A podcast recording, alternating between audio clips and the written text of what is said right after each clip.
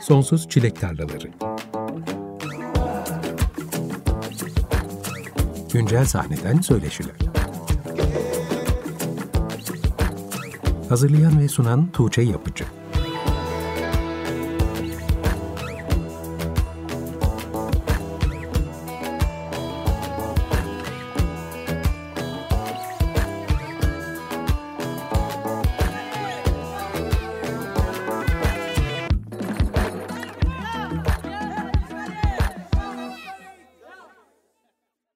95.0 Açık Radyo'da Sonsuz Çilek Tarlaları programından herkese merhaba. Ben Tuğçe Yapıcı. Önümüzdeki bir saat boyunca The Flabbies'in taptaze albümü Alive'ı konuşacağız. Programın açılışını da bu albümden Welcome ve Jungle parçalarıyla yaptık. The Flabbies bu akşam bizimle birlikte Oğuz Kont, Sarp Dağlar Şahin ve Can Sürmen. Hoş geldiniz arkadaşlar.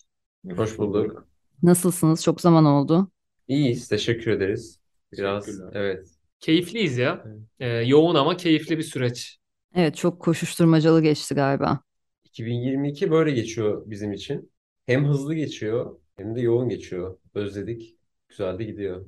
Albüm yeni çıktığı için yoğun bir dönemdesiniz. Beni de bir şekilde programınıza sıkıştırdınız. Teşekkür ederim. Albümle birlikte konserler başladı. Bir koşuşturma halindesiniz. 20 Ekim'de albüm lansman konseri Salon İKSV'de gerçekleşti. Nasıl geçti konser? Konser çok iyi geçti. Çok hazırlandık konser öncesi. Çok ciddi bir çalışma yaptık. Ve kalabalık da, bütün akış da umduğumuz gibi geçti. Normalde problemlerin çıkabilecek olan problemlere kadar çalışmıştık ve çok az sorunla atlattık. O yüzden çok keyifliydi bizim için. The Flabbies 2015'ten beri bir duo olarak bildiğimiz bir projeydi. Oğuz ve Dağlar'ın projesi olarak tanımıştık sizi ama aslında The Flabbies'in temelleri çok daha eskiye dayanıyor. Siz ikiniz çocukluk arkadaşısınız ve daha önce de pek çok projede birlikte müzik üretmişliğiniz var. Sonra pandemi döneminde 2020 ve 2022 arasında sizden ses çıkmayınca ben hala aktif misiniz değil misiniz diye düşündüğümü hatırlıyorum. 2022 ile birlikte tekrar sizden single'lar gelmeye başlayınca sevinmiştim. Hem bu sefer 3 kişi olduğunuz haberi de geldi. Can Sürmen de size katılmıştı. Sevdiğimiz davulculardandır kendisi. Teşekkür ederiz. O sizden haber alamadığımız iki senelik süreç sizin için nasıl geçti? Can nasıl bir arayışın sonucunda gruba dahil oldu? Sen anlatmak ister misin abi? Ya çok fazla görüşemedik ama uzaktan sürekli yine konuşuyorduk aslında yani hani bırakma gibi bir durum yoktu. Sürekli çalıştık zaten sound'umuzu da bayağı bir değiştirdik diyebiliriz aslında bayağı çalıştık. Ama nasıl bir geçiş yapacağımızı da nasıl bir giriş yapacağımızı bilmiyorduk. O süreçte nasıl dahil ettik Can'ı? O bir anda oldu ama. Şöyle oldu. Yani bu iki senelik Under the Sun'dan sonra geçen iki sene içerisinde çok ciddi bir çalışma evresine girdik Dağlar'la birlikte. Çok fazla şey denedik. Çok farklı tarzlar denedik. Sürekli bir arayıştaydık. Sonrasında yavaş yavaş bir takım şeyler şekillenmeye başlayınca ben zaten hep bir canlı davul istiyordum. Ama bize uygun, bizimle birlikte aynı sinerjide olabilecek birini bulmak çok zor. Yani enstrümantal müzik yapıyoruz. Bunu öncelikle anlatmak çok zor oluyor karşı tarafa. Çünkü çevrenizde birçok müzisyen arkadaşımız var, dostumuz var. Hepsi çok iyi çalıyor. Çok hakimler enstrümanlarına ama bizim yaptığımız müzikle özdeşleşmek de çok başka bir şey. Mesela davul benim ana enstrümanım ama ben The Flavies'de davul çalamam. Öyle bir örnek vereyim yani. Can da benim çok eski arkadaşım ve uzun süredir aklımdaydı. Bir gün bir telefon açtım Can'a. Oturduk, buluştuk, konuştuk. Can da çok heyecanlandı. İstiyorsan orayı da sen anlat. Aynen öyle. Benim zaten çok sevdiğim bir ekipti. Oğuz'la birkaç kere buluştuk. Bazı hedeflerimizin kafadaki bakış açılarımızın da aynı olduğunu görünce çünkü biraz o da önemli oluyor biliyorsun hani grup olmak sadece aynı müzik kafasında olmak değil de her anlamda biraz daha iyi anlaşmak oluyor ya. Onu da biraz görünce böyle bir sürece girdik. İyi ki de girdik. Çok keyifli gidiyor yani şu an. Eski arkadaş olmanız dışında Can'ın Flabies için uygun olacağını düşündüren şey neydi size? Önceden yaptığı işlerle alakalı mıydı mesela? Yani ben Can'ı bayağı bir canlı izleme fırsatım oldu ki beraber turnede yaptık. Can'ın tuşesi yani mu muazzam bir tuşe yani bu bunu çok zor anlatılabilecek bir şey. Ama benim duyduğum, dinlediğim en muazzam Türkiye için söylüyorum tuşeye sahip. Yani çok çok imza bir stili var Can'ın. O yüzden Flabies'de de şöyle oldu bu arada yani biz tabii ki kafamızda bir plan program vardı ama Can'ın gelmesiyle ve davulun başına oturmasıyla yine her şey değişti ve pozitif yönde bir gidişat başladı. Can her şeyi değiştirdi aslında. Utandırdınız valla. Teşekkür ederim. Güzel övdük ya. Teşekkürler abi. Bugün evet senin üzerine biraz odaklanacağız. Sen yeni dahil olduğun için ekibe. Ederiz valla. Peki Flabies'in müziğindeki bu değişim arayışına sebep olan temel şey neydi? Mesela sizin dinlediğiniz müziklerin değişmesi gibi bir şey var mı? Buna ben cevap vereyim istiyorsan. Tabii tabii. Benim aslında dinlediğim müziklerde çok büyük bir değişim söz konusu olmadı. Hala da yok. Tabii ki çok fazla şey dinliyorum, yeni şeyler keşfediyorum ama üretim sürecine bunu normalde yansıtan biri değilim ben. Çünkü kendi yaptığımız müziği hala tam anlamıyla dinleyebilmiş durumda değiliz. En azından yani benim şahsen karşıma çıkan bizim gibi bir grup daha yok. Çünkü elektronik desek elektronik değil. DJ gibi bir performans ya da bayağı elektronik desek o da değil. Çok fazla reverb var ki eskiden altyapıyla çalıyorduk. Altyapıda işte canlı olan davullar vardı, elektronik olanlar vardı. Aslında böyle bir birkaç farklı müziğin birleşmesiyle ortaya çıkan bir şey bizim yaptığımız. Bende sadece şu etki oldu. Çok fazla odaklanmadığım enstrümanlara odaklanmaya başladım. Müzik yaparken, prodüksiyon yaparken. Bas gitar bunlardan benim en az hakim olduğum enstrümandı. Bir bas gitar aldım kendime ve sıfırdan tabii ki bas gitar çalıyorum ama bir basçı gibi çalmıyordum. Bir bas gitar çalmayı, mantığını kavramayı öğrendim. Ona çok çalıştım. Onun bir faydası oldu aslında.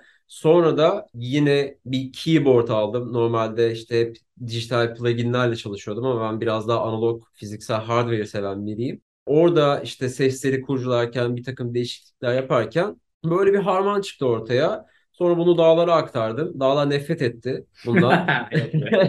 Dağları bir ikna etme sürecim oldu. Birazcık reverb'lerimizi azalttık derken ortaya böyle bayağı eğlenceli bir şey çıktı. Sound çıktı. Bir duo olarak müzik üretmenin bambaşka bir matematiği var. Söz konusu iki kişinin arasındaki ilişkiden beslenen ve o ilişkinin dinamikleriyle çokça şekillenen bir doğası oluyor. Can'ın da size eklenmesiyle birlikte üç kişi olduğunuzda üretim süreçlerinizde nasıl bir değişim yaşandı? Yani bayağı bu, hep ben konuşuyorum kusura bakmayın Can ama. anlatsın Yok. Sen gir ben devam edeyim. Şöyle dediğim gibi ben ana enstrümanın davul olmasına rağmen davul yazarken Flabiz için bir noktada zorlanıyordum. Çünkü ister istemez bir hep bir böyle boşlukları doldurma ihtiyacım oluyordu. Ekstra işte bir şeyler daha yapayım. içimden gelen bir hissiyat oluyordu. Can'ın gelmesi ve o Can'ın dinginliği, sakinliği, tecrübesi, tuşesi çok pozitif anlamda bize katkı sağladı. Çünkü en önemli enstrüman aslında en arkadaki bütün o Bütün tansiyonu değiştirdi tansiyonu zaten. değiştiren, dengede tutan, bütün o canlılarda ve kayıtlarda şeyi ayarlayan enstrüman aslında davul. Yani biz ne kadar çalıyor olsak da bir şeyler anlatıyor olsak da davul olmadığı zaman ki bunu çokça defa tecrübe etme şansımız da oldu. O yüzden davul aslında bizim ana kalemiz yani. Ya aslında bence hala o konuda bir geçiş sürecindeyiz gibi hissediyorum ben. Yavaş yavaş ilerliyor. Çünkü kolay değil tabii alışılmış süreçler de var. Bence ikisinin çok iyi bir çalışma sistemi var bu arada. Yani dediğin gibi yıllardır beraber müzik çıkardıkları için aslına bakarsan oraya dahil olmak da kolay değil. Hı hı. Ama bizde Allah'tan hiç öyle olmadı. Biz çok kolay birbirimize adapte olduk. Ve hani stüdyoya girip hala da o süreçteyiz. Yani sound'umuz o şekilde biraz daha belki etkilenebilir ileriki zamanlarda bilmiyorum. Ama şu an için geçiş sürecindeki etkiler bu şekilde konserlerde dinleyebilecekleri, şarkılarda dinleyebilecekleri şekilde oldu. Yani benim için çok keyifli oldu. Yavaş yavaş biraz daha belki değişebilir. Şu an hala yeni şeyler de deniyoruz diyebilirim yani. Çünkü uzun bir zaman gibi de görünse hala daha çok yeni beraber çalışımız. Daha da çok çaldıkça daha çok şey değişecektir, güzelleşecektir. Daha da iyi yere gidecektir belki diye düşünüyorum. Aynen. Şimdi albümden iki parça daha dinleyeceğiz. Albümdeki şarkı sırasına göre gidiyoruz bugün. Sunlust ve Personal Space gelecek şimdi. Sunlust albümden önce yayınladığınız single'lardan biriydi. Mayıs ayında yayınlanmıştı. Bu iki parçayı dinlemeden önce dinleyenlere bu şarkılara dair söylemek istediğiniz bir şeyler olur mu? Yani Sundance bu sound'u oluşturduğumuz ilk şarkı. Aynen. Yani bizi buraya iten biraz bu sound'u çevirmemizi sağlayan şarkılardan biri. Personal Space'de son şarkı. Aynen. O yüzden onları böyle bir arka arkaya koyup kendi içimizde en azından bir şey yapmak istedik. Yani Sunlust olmasaydı, ortaya çıkmasaydı Diğerleri olmayacak. aynen bu albüm mesela çıkmayacaktı. Personal Space'te tam şeyi oldu aslında bunun. Son Son- dokunuşu oldu. O yüzden böyle ikisini arka arkaya koyduk. O zaman şimdi The Flabies'in bu yeni döneminde büyük önemi olan bu iki parçayı dinleyelim. Sunlust ve Personal Space dinliyoruz. Hemen ardından The Flabbies'le sohbetimize kaldığımız yerden devam ediyoruz. Açık Radyo'da Sonsuz Çilek Tarlaları programı devam ediyor. The Flabbies'le birlikteyiz bu akşam. Alive adlı yeni albümlerinden parçalar dinliyoruz. Sunlust ve Personal Space dinledik. Bu yıl Nisan ayında Jungle, Mayıs'ta Sunlust ve Ağustos ayında da Palm Tree single'larınız yayınlanmıştı. Single'lar birbiri ardına gelince ve aralarında da sound anlamında bir tutarlılık olduğu için bir albüme doğru ilerlediğimizi hissetmiştim ama sizin henüz Jungle'ı yayınladığınız aylarda bir albüm fikri var mıydı aklınızda? Ya hem vardı hem yoktu diyebiliriz. Önce single olarak gitmek istedik ama dediğiniz gibi bir sound bütünlüğü olduğunda son aşamada bunu albüme çevirmek istedik. Zaten istiyorduk. Daha önce de bir albümümüz olsun istiyorduk tekrar bir albüm daha yapabiliriz yani yakın zamanda. Çok sound'undan emin olmasak da. Peki albümdeki parçaların hepsi 2020 sonrası dönemin üretimi mi?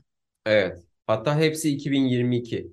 Bir tek Jungle yani o şarkı diyemeyiz ona. Bir fikirdi. Nakarat melodisi vardı sadece. Ee, böyle birkaç saniyelik. O yüzden onu da aslında 2022 diye sayıyoruz kendi içimizde. Ama hepsi güncel, hepsi taptaze, fresh şarkılar.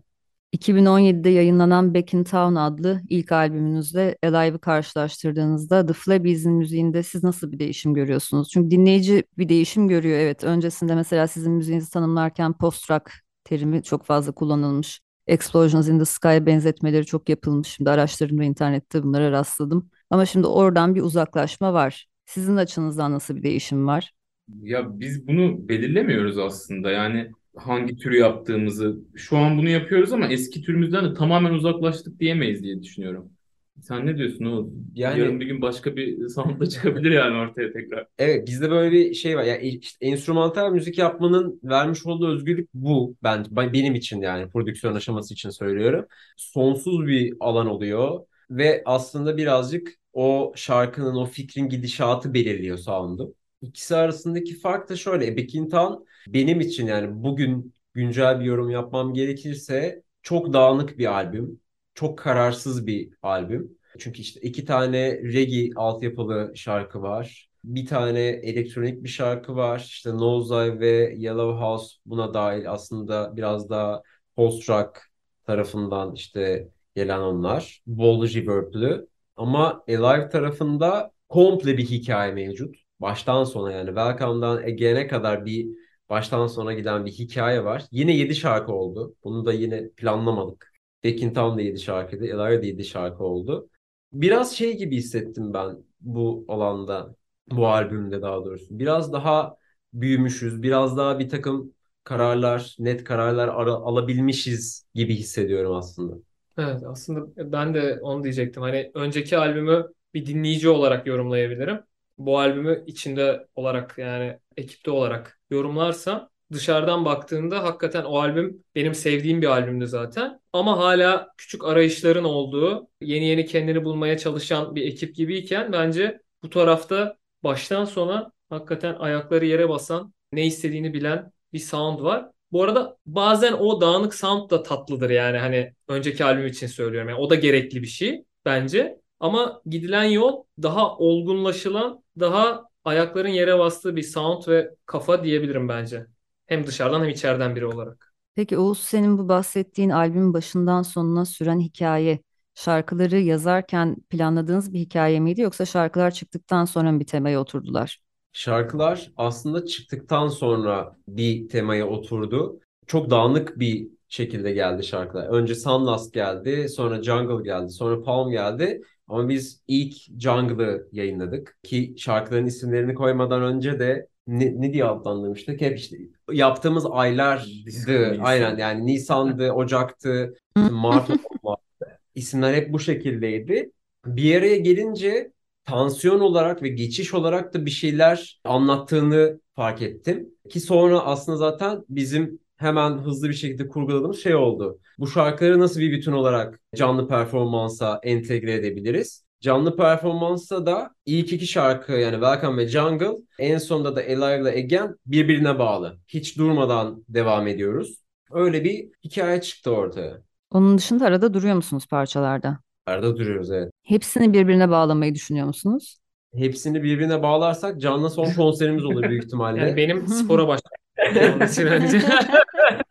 Ben dinleyici olarak çok seviyorum aslında hiç durmayan konserleri izlemeyi de o yüzden sordum biraz.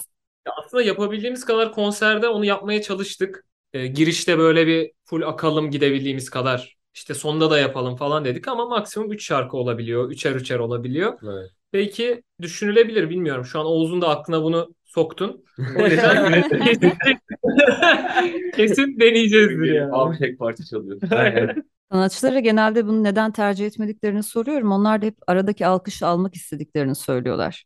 Yani aradaki alkış güzel, keyifli bir şey ama iletişim de sanki evet gerekiyor. yani bir ili- seyirciyle. şöyle bizde çok iletişim gerekiyor. Çünkü yine enstrümantal olmasından kaynaklı şarkıların öncesinde karşılıklı iletişim kurmadığım zaman seyircide bu bizim önceki konserlerimizde de böyleydi. Ne yapacaklarını bilemiyorlar. Çok yeni bir şey çünkü ve alışmış oldukları bambaşka bir alan var. Sözlü müzik ve birden fazla duyguyu ifade edebilen grup olduğu için işte çok üzüldükleri bir grubu gidip dinleyebiliyorlar, çok mutlu oldukları bir grubu gidip dinleyebiliyorlar ya da işte bir DJ performansına denk geliyorlar ki orada da hep aslında up tempo devam ediyor ama bizde böyle bir gidişat yok. O yüzden kesip karşılıklı diyalog halinde kalmak durumunda oluyoruz. O zaman da insanlar daha iyi şarkının içine giriyor. Daha büyük keyif alıyor. İşte dans edecekse dans edebiliyor. Ya da örnek veriyorum işte telefonla hiç belki çekmek aklında yokken o şarkıyı sadece öyle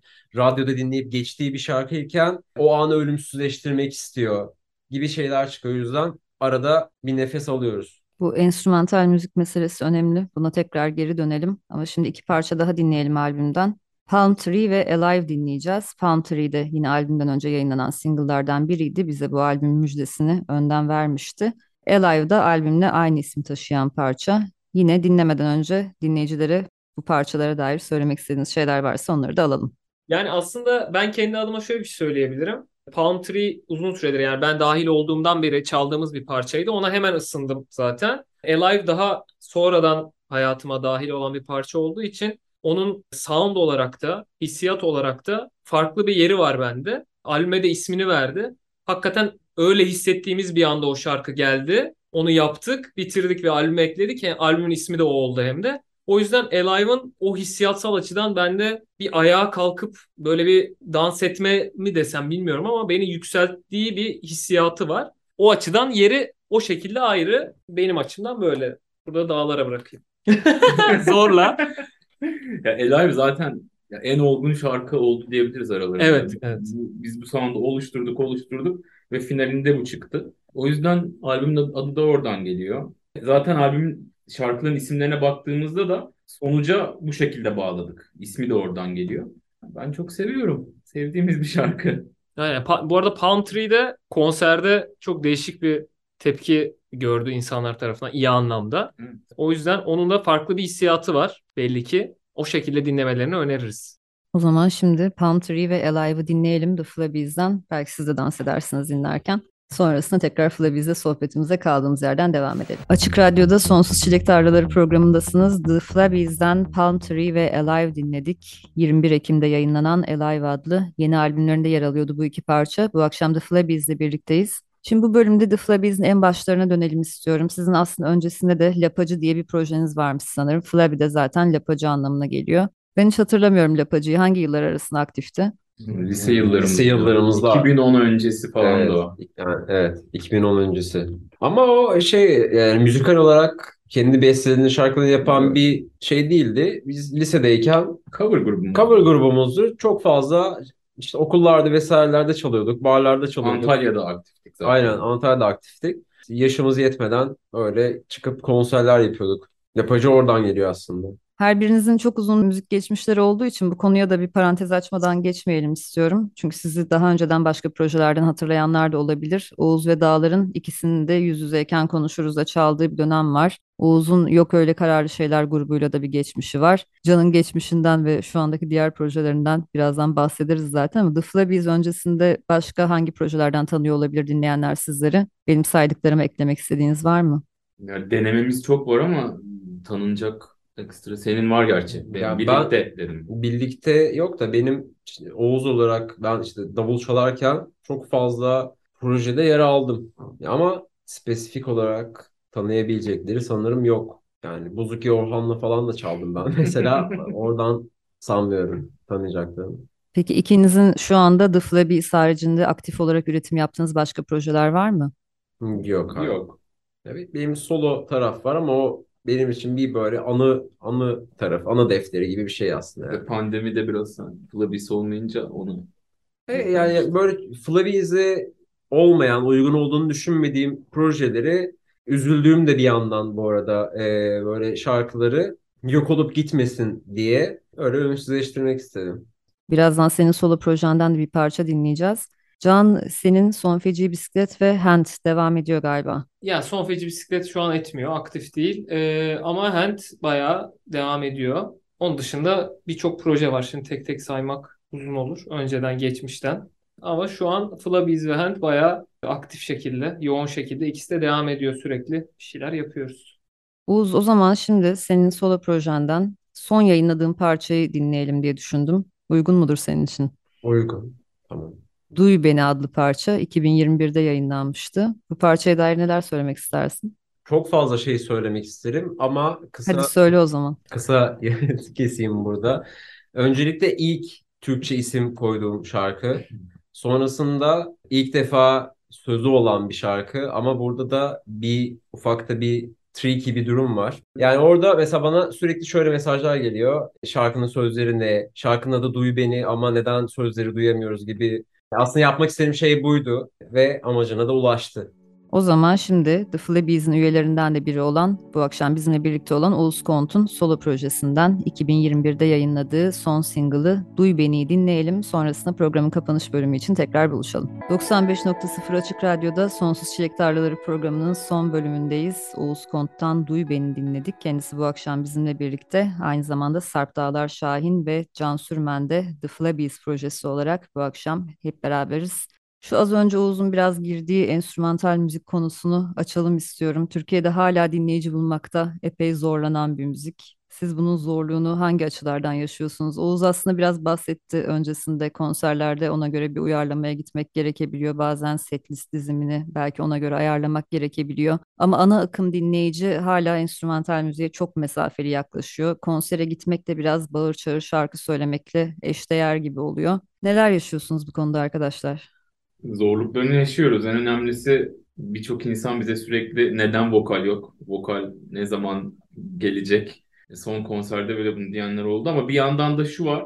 Bazı insanlar konseri izledikten sonra lansmanımızı e, hiçbir enstrüm, enstrümantal bir grubu konserde bu kadar keyifle dinleyebileceğimi düşünmüyordum gibi tepkiler de aldık. Bunlar hoşumuza gitti. Ama zorlukları da bir hayli fazla tabii ki. İnsanlar biraz yabancı bu duruma. Aslında konsere geldikten sonra alışıyorlar. Yani hoşlarına gidiyor insanların ama konsere getirmek bir mesele gibi. Biraz öyle. Ya Orada şöyle bir ön yargı var. Bu da çok doğal bu arada yani insan psikolojisiyle karşılaştırdığımız zaman insanlar biraz daha kendilerinden bir şey bulabilecekleri, Hı hı. eşlik edecekleri bir konsere gitmek istiyorlar. Bizim şarkılarımız daha arkada çalan ya da çoğunlukla insanların net karşısına çıkan değil de işte denk geldikleri şarkılar olduğu için dolayısıyla bir bağlanma söz konusu olmuyor. Yani sözlü bir müzik kadar bağlanma söz konusu olmuyor. Çünkü orada bir melodi duyuyor. Belki farkına bile varmıyor geçiyor gidiyor. Ama konsere geldiği zaman Dağlar'ın söylediği gibi bir enstrümantal müziğin bu kadar fazla fiziksel etkiye sebep olabileceğini görmüş oluyorlar. Orada da öncesinde aslında bizim şeyde bir mesaimiz oluyor. Bu şarkıların canlı performansta, daha yüksek volümde, sahnede sanatçı performans sergilerken neler ifade ettiğini açıklamak, anlatmak birazcık mesaimiz oluyor öncesinde. Ama işte bunun içinde canlı performans videoları var, konser videoları var, vesaireler var. Aynı şekilde Instagram'da da küçük reel'lar mevcut. Oralardan aslında küçük böyle ipuçları veriyoruz. Yani aslında şeyi ben eklemek istiyorum. Türkiye'nin hakikaten alışık olmadığı bir tarz bu. Ve biliyorsunuz biz alışık olmadığımız şeyi de Hemen kabul Hemen- etmeyiz. Ya kabullenmeyiz yani. Kötü deriz ona daha doğrusu. Hı hı. Ama ben ya zaten projeyi önceden beri takip ediyorum ve içinde olduğumda yani ilk günden beri bunu hissediyorum ve inanıyorum ki biz bunu biraz kıracağız. Çünkü mesela Alive albümünü de ele alırsak evet mesela Alive öncesi için biraz arkada aksın. Hani arkada dinliyoruz enstrümantal müzikken şu an bu albümle beraber biraz daha daha experience tarafının konserlerde daha üstten daha yüksek daha fazla verilebileceği bir proje noktasına eviriyoruz bence. Ve hani o konsere gelen insanlar sadece bir müzik dinleme değil de ya da işte vokal arama değil başka şeylerle daha güzel bir tecrübe yaşamış olacaklar bizim konserlerde. Bu zor kısmı nedir? Türkiye'de zaman alacak insanlara bunu anlatmamız. Ama işte konser yapa yapa hissiyatı geçire geçire biraz da sosyal medyanın da yardımıyla belki ben onu kırabileceğimizi düşünüyorum ülkede ama kolay olmayacaktır tabii. Festivaller bu anlamda bayağı etkili oluyor herhalde. Yalnızca sizin için oraya gelen değil de oraya geldikten sonra sizin müziğinizle tanışan insanlar sonradan eminim takibi alıyorlardır. Aynen. Festivalin bayağı büyük bir etkisi oluyor. Yani insan sesi insan kulağının tabii ki en çok alışkın olduğu ses. Çünkü müzik dinlemesek bile bütün gün insanlarla konuşuyoruz. O yüzden o vokal arayışı çok incelmemiş kulaklarda. Yani çok fazla müzik türüyle muhatap olup kulağını geliştirmemiş dinleyici için her zaman için avantajlı bir şey oluyor vokalli müzik. Ama aslında Oğuz'un söylediği gibi insanları fiziksel olarak harekete geçiren şey de her zaman için groove'dur. Yani vokal değildir aslında. Ve sizin müziğiniz de son dönemde epey groove'lu. Evet ya diğer türlü dinletiye dönüşüyor çünkü. Yani bir akustik gitar ve vokal olduğu zaman çok güzel, çok etkili oluyor, çok da keyifli oluyor ama başka bir hissiyatı var onun. Başka bir amacı var. Bizim yaptığımız mesela şu son Alive'la birlikte yaptığımız şey komple bir show. Yani bizim kıyafetlerimiz, sahnede pozisyonlanmamız, bütün ışık sisteminin bize göre ayarlanması, sis makinesi, şarkıların birbirine bağlanması, geçişi vesairesi derken ki aralardaki diyaloglar da dahil. Aslında biz komple bir deneyim, komple bir paket sunuyoruz. Biraz da böyle olmak zorunda galiba artık. Yani bu şovun bir parçası. Yani buna da hazırlıklı olmak lazım. Tabii ki çıkıp çalınır, çok da güzel bir konser geçilir ama daha etkili, daha efektif, insanların neye geldiğini ve neyden çıkıp eve gideceklerini bilmeleri ben en azından bir tüketici olarak bunu her zaman bilmek isterim. Daha garantiye almak istiyorum kendimi. O yüzden de bizim aslında yapmaya çalıştığımız şey bu. Yani biz komple bir show sunuyoruz. Bir buçuk saatlik bir setimiz var. Baştan sona gelip hoplayıp zıplayıp çok büyük keyif alıp dans edip hayattan birazcık böyle dertlerden soyutlanıp daha kendiyle oradaki kalabalıkta bir arada kalabileceği, güzel hissedebileceği bir şey sunuyoruz insanlara. Aslında ben dinleyici olarak öteki bilinmezlik durumunu da çok seviyorum. Yani bir konsere gidiyorum ve başıma ne geleceğini hiç bilmiyorum ve hiç beklemeyeceğim şeyler oluyor. O çok daha iyi bir senaryo aslında ama işte son dönemde biraz da ekonomik zorluklardan dolayı da insanlar Evet. çok garantici davranıyorlar. Yani bir akşam bir yere gidecekse ve işte o bilet için yaklaşık işte birkaç yüz lira verecekse ve toplam olarak o akşam dışarıya çıkmanın maliyeti neredeyse işte 500 liraya falan gelecekse bir insana o zaman tabii ki neyle karşılaşacağını bilmek istiyor ve eğleneceğinden emin olmak istiyor. Artık öyle bir noktaya geldik maalesef. Çok da deneyimleme şansımız yok sanki bir şeyleri. Evet artık lüks oldu yani bunlar maalesef. Evet. Yazık ki lüks oldu. Dolayısıyla aslında birazcık da empati yapmak gerekiyor diye düşünüyorum ben bu konuda. Çünkü kendi adıma konuşayım, arkadaşlarım adına konuşmayayım. Biz evet müzik yapıyoruz, bir müzik grubuyuz ama bir birkaç adım geriden bakıldığı zaman bu bir hizmet sektörü. Yani biz hizmet sektöründe faaliyet gösteren bir iş yapıyoruz. Dolayısıyla orada insanların almak istediği hizmette eğlence, dans vesaire bunu birazcık doğru ifade etmek gerekiyor diye düşünüyorum. Yoksa deneyim çok güzel, çok keyifli şeyler de yapılabilir ki benim çok fazla projem var böyle yazılı, çizili halde bekleyen gerçekleştirilmeyi. Şu an sadece işte mevcut ekonomik koşullardan dolayı uygun olmuyor. Evet, bu dönemin ruhu ve mevcut sosyoekonomik koşullar herhalde deneyim olayını daha çok tasarlanmış deneyimlere dönüştürecek gibi. Biraz kaçınılmaz son gibi geliyor müzik projeleri için bu. Evet. Herkes de zaten o yola girmeye başladı yani sizin söylediğiniz gibi çoğu proje görsel anlamda da bir şeyler tasarlıyor. İşte kostümden sahne arkasında yansıtılacak görsellere kadar total bir deneyim paketi halinde sunmak herkes için şu anda daha sanki mantıklı bir noktaya geldi. O özen bence çok önemli işte. Yani yurt dışında izlediğimiz konserlerin de biraz farkı oluyor. Bizde o yapılıyor gibi görünüyor ama tam da yapılmıyor ya. Biraz öyle bir şey var Hani evet. biraz maddi bazen, bazen biraz sert olacak belki ama vizyonumuz bir yerde tıkanıyor. Yapacak bir şey yok yani. Yani o açıdan bence öyle devam etmek daha güzel. Hem onu yapıp hem de sürpriz yapılabilecek Hı hı. bir seviyeye getirmek istediğini söylediğin. Hı hı. Hani evet belli bir şey sunuyoruz ama içinde de sürprizler var noktası bence en ideal nokta olacaktır. Evet, biz konserin içinde yapıyoruz o sürprizi mesela. Biz deneyimden bahsediyoruz, şovdan bahsediyoruz ama oraya gelen insanlara ekstra bir sürprizimiz de oluyor. Bu lansmanda mesela koro vardı. Nozay ve koro eşlik etti mesela. Kimse böyle bir şey beklemiyordu. Hiç bahsetmedik. Sır gibi sakladık. Sadece bizim ekibimiz bundan haberdardı. Bir anda koro sahneye çıkınca bambaşka bir etkisi oldu mesela insanlara. Peki müziğinizin enstrümantal olması, yurt dışına açılmayı, yurt dışındaki dinleyiciyle iletişim kurmayı kolaylaştıran bir faktör oluyor mu sizin için? Yani istatistiklere baktığınızda The Flabbies'in müziği en çok hangi ülkelerden dinleniyor? Yoğunluk Türkiye'de mi? Yoğunluk Türkiye'de. İkinci sırada Almanya var. Üçüncü sırada Amerika var. Dörtte de Polonya var. Son zamanlarda Polonya'da Evet. ünlü oluyoruz galiba. Polonya'da Şey gibi ya, biz dağlarlarda onu konuşuyoruz. Acaba Sugarman gibi bir şey oldu mu? Polonya'da mı ünlüyüz de haberimiz yok. Çok Bir- bayağı bir dinlenmesi oluyor Polonya'da. Plak kaset Polonya'ya gitti de orada bir şeyler oldu gibi bir geyimiz oluyor aramızda. Nasıl olduğuna dair bir fikriniz var mı? Bazen belki oradaki işte bir radyo DJ'yi keşfediyor ve sürekli çalıyor. Öyle bir şey olabilir.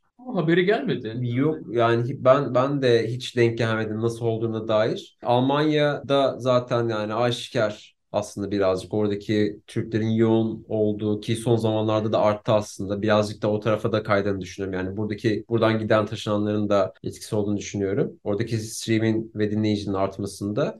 Amerika'ya dair de bir ufak fikrim var aslında özellikle son zamanlarda. Kullandığımız melodiler biraz daha doğu sentezli, doğu altyapılı melodiler olmaya başladı. Bu da planlı programlı değil.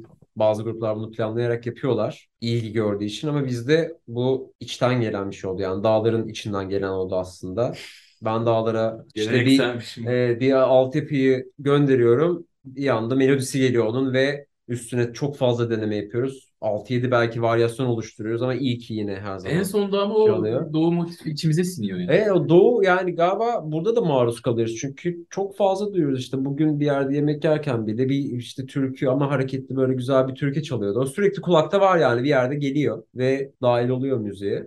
Onu sentezleyebilmek tabii önemli. Tamamen de geleneksel bir müzik yapıyoruz diye girmiyoruz. Aynen. Kesinlikle. Yani.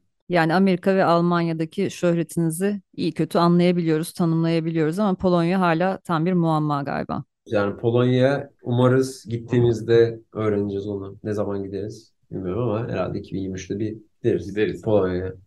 Çok teşekkürler arkadaşlar bu akşam burada olduğunuz için bu yoğun dönemde. Son olarak eklemek istediğiniz bir şey olur mu? Bilmiyorum. Biz teşekkür ederiz. Vallahi evet, biz Çok teşekkür keyifliydi. ederiz. Çok keyifli. Çok keyifliydi seninle sohbet hakikaten. Evet. Herkesi konserlere bekliyoruz. Aynen. Evet pandemi öncesinde hep bir dirsek temasındaydık ama pandemide kopmuştuk. Bizim için de bir arayı kapatma şansı oldu. Sizi de Açık Radyo'da ilk defa konuk ediyorum. Sonunda başardık. Aynen sonunda oldu. Çok teşekkürler tekrar. Biz teşekkür ederiz. Teşekkür ederiz. Bu haftalıkta Sonsuz Çilek Tarlalarının sonuna geldik. Bu akşam The Flabbies ile birlikteydik. The Flabbies ekibi Oğuz Kont, Sarp Dağlar Şahin ve Can Sürmen'le 21 Ekim'de yayınlanan Alive adlı ikinci albümlerini konuştuk. Bu akşam sizlere son olarak The Flabbies'in yeni albümünden Again adlı kapanış parçasıyla veda ediyoruz ve böylelikle tüm albümü de dinlemiş oluyoruz. Gelecek pazartesi saat 20'de görüşünceye kadar hoşçakalın.